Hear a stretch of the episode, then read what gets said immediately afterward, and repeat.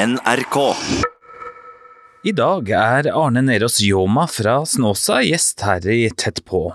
Vi skal snakke om to hovedtemaer. Hvordan Arne kom seg gjennom en svært dramatisk situasjon i livet sitt, og så er jeg nysgjerrig på hva han tenker rundt arbeidet til Sannhets- og forsoningskommisjonen. I tillegg skal vi møte Dagfinn Høybråten som leder kommisjonen. Arne Nerås Ljåma, velkommen. Takk for det. For et år siden så ble du syk. Og det så fryktelig skummelt ut, har jeg skjønt. Hva var det som skjedde med deg? Jeg skulle eh, tenne opp, for det var jo kaldt i huset, så jeg gikk ut og begynte å hive på noen små vedpinner i en eh, sekk som jeg skulle ha med meg inn. Og plutselig så kjentes det ut som jeg liksom forstrekte meg sånn skikkelig. Ja, det kjentes jo nesten ut som det var noen som satte en kniv mellom skulderbladene. Og eh, samtidig så var det jo akkurat som et bilbelte som stramma veldig hardt over eh, skuldra og brystkassen. Da.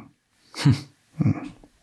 Så jeg ble jo mest irritert over et Jeg tenkte, har jeg blitt så gammel at musklene ikke eh, liksom lytter på meg lenger? Ja, jeg fikk i hvert fall en sånn skikkelig sånn krampetrekning i kroppen. Da.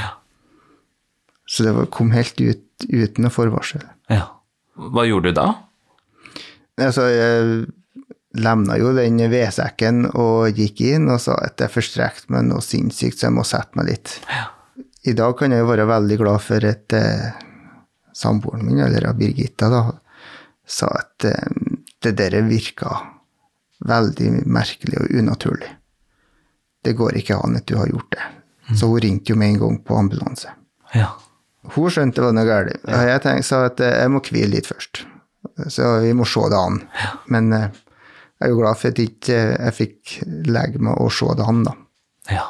For dette her var altså tida veldig viktig, skjønner jeg da. Ja, her er det snakk om å komme seg fort til behandling. Ja. Hva det heter det? Jeg fikk jo en eh, anorisme, eller det var jo sprekk i hovedpulsåra. Så det er ganske alvorlig, da. Når eh, blodet liksom eh, begynner å bane seg vei ut av de naturlige ferdselsårene. Og ut i kroppen? Eller? Ja, det var jo ikke heldigvis høl helt ut, da, for da hadde jo ikke gått mange sekundene før jeg hadde vært tom da, for blod. Men eh, det bana seg nye veier, og blodårene består av flere lag. Og det begynte å trenge seg i de mellomlagene som gjorde at det ble noe fortetninger, da. Akkurat. Var det ambulanse i nærheten, eller? Ambulansen kom jo utrolig fort, da. Det var jo bare snakk om noen få minutter. Så det var Jeg var veldig heldig med nærheten til ambulansen den gangen. Ja. Men er det fast ambulanse stasjonert her? Det er jo fast ambulanse her, men eh, det har jo blitt endringer, sånn at det, det er jo ikke ambulanse hele tida. Så nå eh, er det vel i hvert fall begynt å bli i, i kraft at den slutter klokka fire, da. Ja. Dette skjedde på kvelden.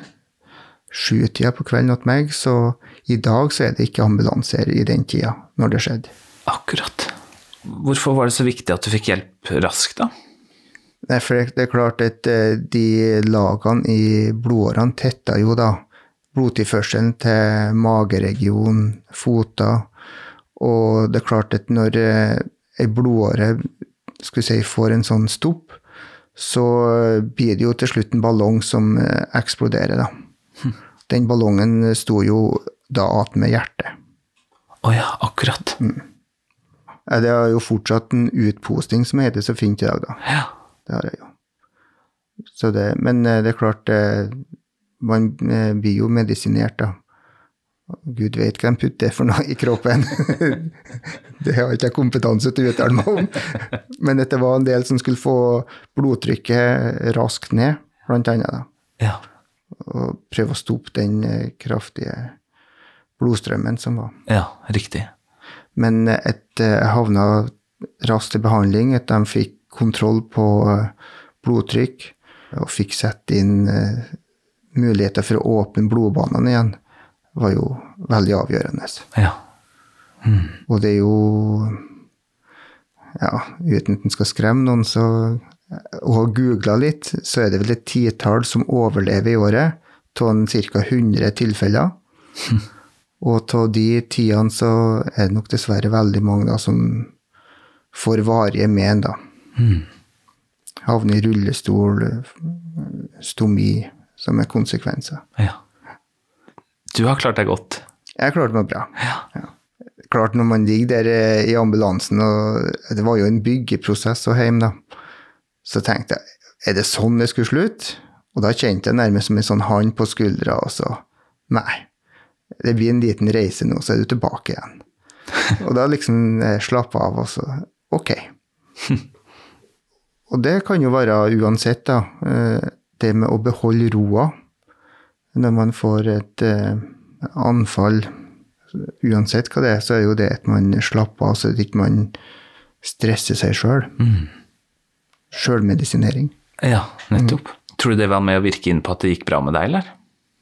Jeg syns det var veldig behagelig å vite at eh, liksom når du får den der stemmen at eh, du skal jo tilbake hit, så slapp av. Da ble det liksom sånn, ok. Og jeg minnes jo når de sa på Levanger, jeg var innom der, at dette er veldig alvorlig. Ja, ja. Og da liksom Hvor lang tid tar det her, da, liksom? Ja. Ja. Jeg er jo på ei reise, men hvor mange dager tar reisa? ja.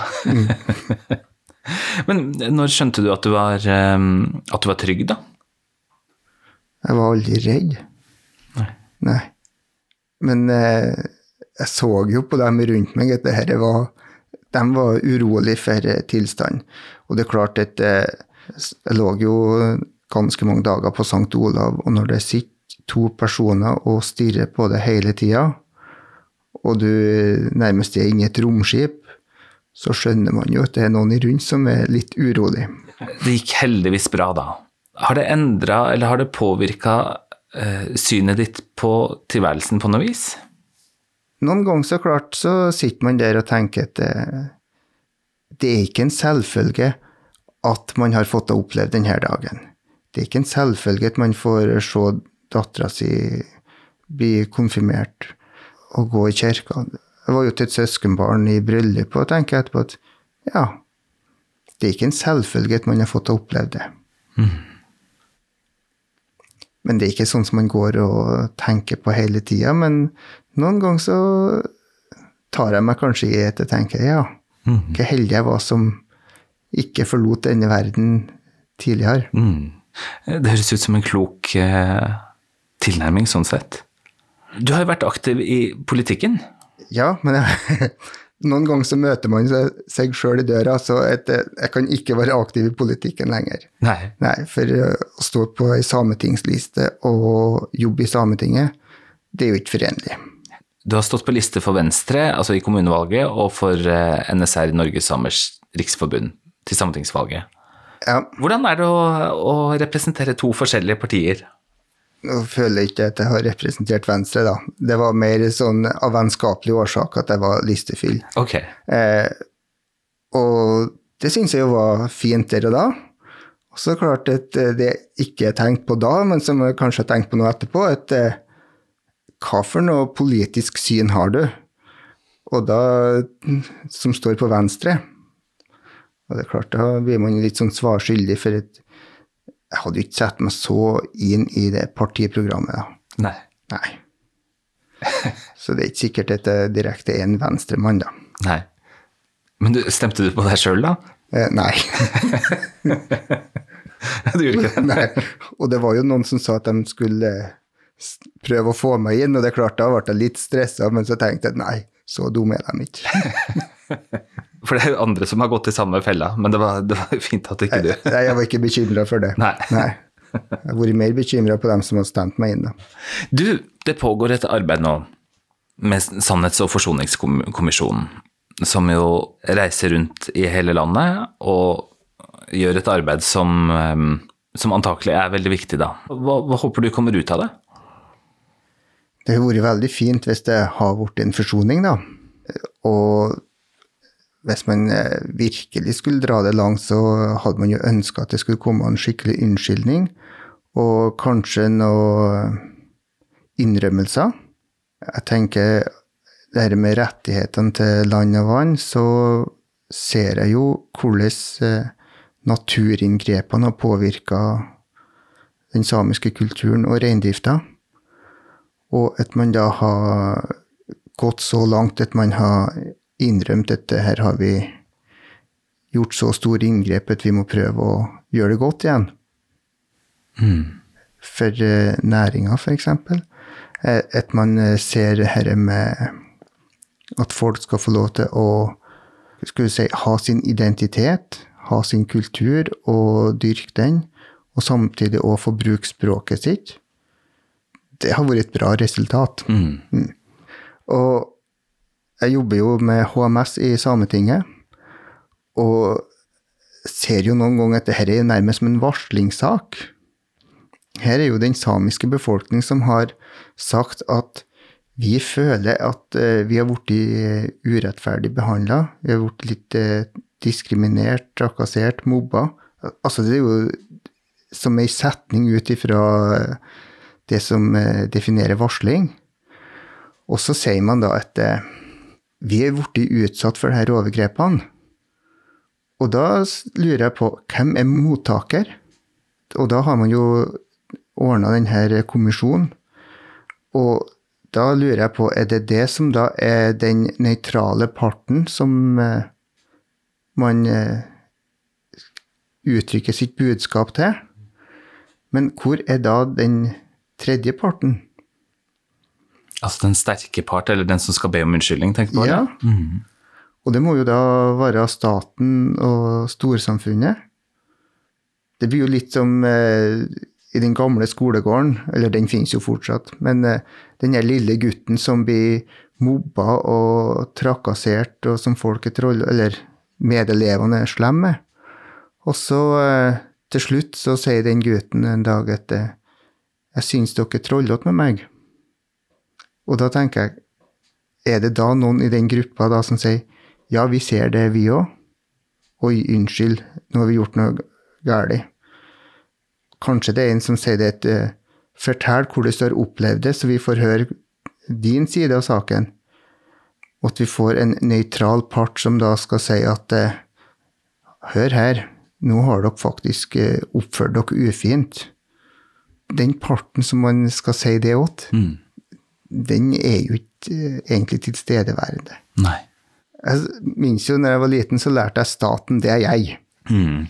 Ludvig den 14.? Ja. Så et, eh, vi snakker jo om hele den norske befolkning. Og det er jo klart, og den samiske befolkning er jo en del av det. Eh, men det er klart, det er jo ikke alle som har vært trollete. Nei. Nei. Så vi må jo få den grupperinga som har eh, gjort urett i det norske samfunn, til å innrømme. For vi har jo en stor gruppe i den norske befolkninga som allerede er litt taus på sidelinja, og som ser at dette har vært feil. Ja. Men hvem ville du stilt til ansvar, da? Det var et godt spørsmål. Det må jo være en myndighet, egentlig, som har eh, en beslutningsmulighet. Her har jeg lyst til å trekke inn lederen av Sannhets- og forsoningskommisjonen, Dagfinn Høybråten. Her bidrar han med å belyse noen av refleksjonene som Arne Neros Joma har gjort seg. I navnet på kommisjonen så, så er det også forsoning. Jeg tenker i, I forsoningens natur så må det jo to parter til minst da, for å kunne forsones. På den ene sida så har du eh, samiske enkeltpersoner og grupper. Men på den andre sida, hvem, hvem finner vi der? Der finner vi det norske storsamfunnet representert ved Stortinget. Det gode med at det er Stortinget som har satt i gang denne granskingen, er at eh, det er en erkjennelse i det. En erkjennelse av ansvar. Fordi de beslutninger som i sin tid ble tatt, ble jo tatt av sentrale myndigheter og utøvd eh, lokalt på litt forskjellige måter av, av ulike tjenere av storsamfunnet. Og det at man eh, tar dette eh, brede ansvaret, tenker jeg er en forutsetning for at forsoning skal skje. Stortinget sier jo videre forsoning. Det betyr at man erkjenner at det er tatt noen grep. Det er sagt uh, noe unnskyld fra både konge og kirke. Det er uh, bygd institusjoner, det er etablert rettigheter, eller reetablert etter rettigheter. Men det står i mandatet vårt videre forsoning, og det betyr at forsoningsarbeidet er ikke slutt. Så det er definitivt en part på den andre siden også, som erkjenner sitt ansvar, men som gjerne vil ha hjelp til å konkretisere hva kan gjøres for at dette, denne forsoningsprosessen kan komme videre. Så da er det altså Stortinget som erkjenner sitt ansvar, og så skal det, eh, den erkjennelsen forplante seg videre ned i samfunnet? Er det, er det sånn der? For det offentlige er jo veldig mye rart. Det er jo på kommunalt nivå, du har på fylkesnivå, du har på statlig nivå, du har forskjellige etater. Altså, hvordan, hvordan skal dette spre seg ut i i de forskjellige eh, komponentene i samfunnet vårt? Ja, det er jo av de spørsmålene som kommisjonen skal svare på når vi, når vi, gir oss i kast med den delen av mandatet som handler om videre forsoning. Eh, og Det er mer enn antydet i mandatet at dette bl.a. handler om å både etablere det kunnskapsgrunnlaget som vi har i oppdrag å gjøre om historien og konsekvensene, men også å formidle det som en del av videre forsoning. Fordi det man ikke vet, det, det kan man jo ikke forsones i forhold til. Eh, så, så, kunnskapsformidling er definitivt en del av det. Men det kan også være andre ting. og eh, Det er for tidlig for oss nå å gi noe svar på det. Vi, vi kommer nå til å jobbe jevnt og trutt fram til vi avgir rapport. Og der eh, en gang i høsten 2022 så vil man få svar på den type spørsmål. Vi skal eh, kartlegge historie og konsekvenser av fornorskningen. Og vi skal foreslå tiltak for videre forsoning. Så er vi i gang med å se på ulike temaer som har å gjøre med Eh, skole og utdanning, som har å gjøre med eh, næringsdrift osv. Og, eh, og vi har begynt å samle inn personlige historier. Fordi det levende kildematerialet blir veldig viktig for oss. Ja. Og dere reiser rundt i landet og oppfordrer folk til å bidra med sine historier. Hvordan går det? Er folk villige til å dele? Ja, det tikker inn historier hver eneste uke. Så svaret på det er ja. Eh, vi er jo veldig klar over at vi kan røre ved dype og vanskelige ting eh, når vi oppfordrer folk til å fortelle om hva fornorskningen har gjort med dem og deres familie og deres sted. Eh, men det er en viktig del av vårt arbeid å utfylle det vi kan finne i skriftlige kilder som allerede eksisterer. Du er jo en opplyst og samfunns engasjert mann. Du har jo hatt helt sentrale politiske verv helt på toppen av, av, det norske samfunnet. Hva visste du om fornorskninga før du begynte i kommisjonen? Jeg hadde et øh, over gjennomsnitt kunnskap om det, men gjennomsnittet ligger jo ganske lavt i Norge. Det er jo noe av grunnen til at vi gjør dette, eh, for å øke den, det, det, kunnskapsnivået. Eh, jeg har arbeidet med disse spørsmålene i kraft av å ha vært eh, stortingsrepresentant og statsråd på ulike områder. Men jeg er ingen ekspert. Det er derimot de andre elleve medlemmene av kommisjonen. Og Stortinget har da tenkt at jeg kunne være egnet til å lede dem. Det er i hvert fall det jeg har påtatt meg. Ja. Har du fått ny kunnskap nå som du har jobba enda mer systematisk med temaet? Definitivt. Eh, jeg eh, må si at eh, i hvert eneste kommisjonsmøte så, så kommer det fram informasjon og kunnskap som viser hvor alvorlig, hvor omfattende, hvor, hvor bredt anlagt denne fornorskningspolitikken var og hvor lange skygger den kaster inn i vår egen tid. For vi er ikke ferdig? Nei, og det har Stortinget tatt høyde for når de snakker om kartlegging av konsekvenser av fornorskningspolitikken inn i vår egen tid. Vi er veldig bevisste på at uh, selv om den aktive, målrettede fornorskningspolitikk uh, i offisielle former ble avsluttet, så er konsekvensene noe som enkeltmennesker i generasjoner har båret og fortsatt bærer. Hvordan Opplever du det arbeidet som dere nå stå, altså har foran dere, med å få folk til å åpne seg når eh, det i mange eh, deler av samfunnet ikke er tradisjon for å løfte på lokket på vanskelige temaer? Det er en oppgave som vi går til med stor ydmykhet. Og vi er klar over at når vi oppfordrer til å løfte på lokket, så kan vi få nei. Ehm, vi kan også åpne for smerte som den som eh, forteller en historie, kanskje ikke var klar over at var der. Eh, og Derfor eh, går vi inn i det ikke bare med ydmykhet, men også med den ekspertise som finnes i samfunnet, til å støtte og hjelpe i en sånn situasjon. Og så er vi klar over at eh, det Vi vil ikke få fram alle historiene. Men vi er veldig frimodige når vi ber om at folk skal fortelle, fordi vi tror at det vil Eh, I all sin smerte som kan komme ut av det, så vil det komme noe godt ut av det. Eh, og vi tror at eh, det vi, det vi er i gang med, vil bidra til forsoning i seg selv. Og det vil bidra til å fortelle og tegne et bilde som dette samfunnet er nødt til å kjenne for å kunne forholde seg til fremover på en, på en bedre måte enn man har gjort fram til i dag.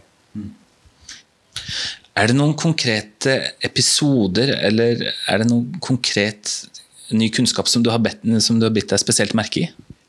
Eh, jeg har jo hatt muligheten til å møte enkeltmennesker som har fortalt sin historie, og eh, også lese eh, hva de har eh, skrevet til oss. Og det gjør et dypt inntrykk, det berører. Det er historier om skolegang under strenge forhold, hvor man får beskjed om å legge sin det man har med seg, det som er ens identitet, språk og, og, og kultur, skikker, bak seg. Og gå inn i et rom som bare er norsk. Hva det gjør med et barn, det kan man bare forestille seg. Eh, og det er eh, sterke beretninger om smerten som ligger i dette. Det som vel også har slått meg, er at eh, det er det er mye som har vært lagt lokk på eh, i eh, flere generasjoner. Eh, og det er klare generasjonsforskjeller. Den stolthet som vi ser over det samiske i, i, i dag, eh, den er jo forholdsvis eh, nyvunnen. Eh, og det lever generasjoner som har undertrykket det faktum at de har en samisk identitet. Det er ungdommer som spør sine foreldre hvorfor fortalte dere ikke. Eh, som går til sine besteforeldre, som, hvor de kanskje gjenkjenner mer av den stoltheten de selv kjenner. Altså Denne type generasjonsforskjeller uh, syns jeg har vært veldig interessant å, å gå på oppdagelsesreise i. Mm. Det er jo ikke gjort på 1, 2, 3 å få retta opp i. Nei. Det er det jo ikke. Men det er i hvert fall på glid. Mm. For flere og flere av den tause gruppen som har stått på sidelinja og kanskje følt at dette ikke har vært greit, har jo begynt å sagt at uh, vi er litt enige med den samiske befolkningen. Her er det jo skjedd noe som ikke er bra. Mm. Uh, sånn som jeg kanskje personlig opplever og oppfatter det, så er det litt forskjeller på hva som er urett i Finnmark i Troms, Nordland og Trøndelag. Og det er òg mange som har samisk bakgrunn i resten av landet. Hva syns du er de viktigste forskjellene, da? Her er det jo mer den her, det vi snakker om finnejaging. Det her er med at man ble eh, frarøva sin rein, altså jaga på flukt. Det, det, det hører ikke akkurat de setningene når man drar lenger og lenger nord. Nei. For her er det flere familier som, som ble tvunget ut av reindrifta, som har fått erstatningskrav som var fullstendig urimelige. Mange som døde lut fattige. Mm. Jaga fra kommune til kommune, fylke til fylke. Mm. Og Jeg skjønner jo òg, eh, og det er jo derfor man kanskje snakker om denne den her skjulte gruppa med samer i det sørsamiske området. Fordi at når de flykter fra en kommune til en annen, så greide de noen plass å skjule sin identitet, sånn at de kom som fattigfolk til en ny- bygd, og prøvde å starte på nytt. Uten en samisk ballast, holdt Ja. jeg på å si. Og hvis man ser jo den her filmen 'Sameblod', det her med at man eh, prøver å gjemme seg, reise ut av eh, skal si, sine kjente, kjære trakta områder. Gjemme seg i Trondheim, gjemme seg i Oslo. I lys av den historien, vet du hvorfor din slekt klarte seg? Ja, det var et godt spørsmål. Eh, De eh, fjellområdene i Indre Namdal og over og på den svenske sida, altså det som er Børgefjell, det er jo ifra skal vi si, norske storsamfunnets side en nasjonalpark i dag. Altså, det er jo eh, ødemark. Det er jo ikke folk der. Det er jo de ville finner i fjellene som har fått ha levd og på den måten og overlevd der, da. De bosatte seg og utnytta områder som storsamfunnet ikke var interessert i å utnytte, var det sånn? Eller? Ja, det virker jo sånn. Eh, når man ser på bosettinga, så når man begynte å komme opp mot eh, Grong, så stoppa det jo. Så det befolk... Altså den her eh, nybyggerbosettinga i Indre Namdal er jo, det er jo en veldig ung historie den har. Samene kom jo ned til Grong, til kirka og til handelssted der, og så var de i Egentlig fikk de være litt skjerma i Børgefjell-området. Ja, akkurat. Den her hadde du tenkt å, å vise meg. Hva, hva er det du har her? Det er jo en eh, rettsprotokoll, og det her ser man jo konfliktsaker som har vært tidligere, og hvordan de har vært løst, og måter på hvordan den samiske eh, grupperinga, her er jo en forfar til meg, da, hvordan han har prøvd å dokumentere eh, rettighetene til et område og få bedrive reindrift der. Vet vet du når det er fra? Den er fra tidlig 1800-tall. Å ja, ser du det? Vet du hvordan det gikk? Vil nok tro at det gikk med tap. Ja. Altså, de betalte jo en skatt for å bedrive reindrift. Og de arealene ble jo etterpå solgt videre til norske nybyggere. ja. Og hva, hva gjorde det med, med mulighetene til å overleve som reindriftsutøvere? Man ble jo forvist ifra de bakkene de bodde på. Er flere områder i Røyrvik òg der det var reingjerder ble gjort om til innjord. Og at der som gammene sto, ble det da satt opp hus og fjøs. Det var jo et kulturlandskap som var opparbeidet, som de da flytta rett inn i. Så jeg forstår jo at de valgte de plassene, når de nå har kjøpt dem av staten. Det var jo naturlig å ta de plassene i bruk. Og så har dere alltid sagt at dere er samiske? Ja, jeg har ikke hørt noe annet. Nei. Det har liksom aldri vært noen tvil. Nei. Nei, jeg har jo syntes det har vært litt spennende her med slektshistorie. Man syns jo det er artig å se hvor man kommer ifra. Og det har Når man går bakover, så er det jo kirkebøkene som stopper og setter begrensningene. Men det var liksom aldri noe tvil om at man har en samisk bakgrunn. Arne Nerås Jomma, tusen takk for at du var med i Tett på. Sjøl takk. Jeg heter Svein Lian. Tett på fra NRK Sápmi er produsert av 1 til 1 Media.